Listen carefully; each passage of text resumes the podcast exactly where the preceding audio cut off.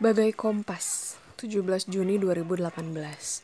Tolong deskripsikan baiknya aku. Bagai kompas.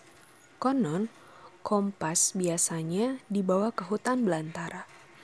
Kompas biasanya dipakai untuk arah penunjuk, penunjuk arah jalan keluar. Kompas biasanya tahan hujan, badai, dan terpaan lainnya. Kompas biasanya kuat dan tak mudah rusak. Aku. Apakah aku bagai kompas? Aku yang mudah menangis, aku yang mudah lupa, aku yang emosian.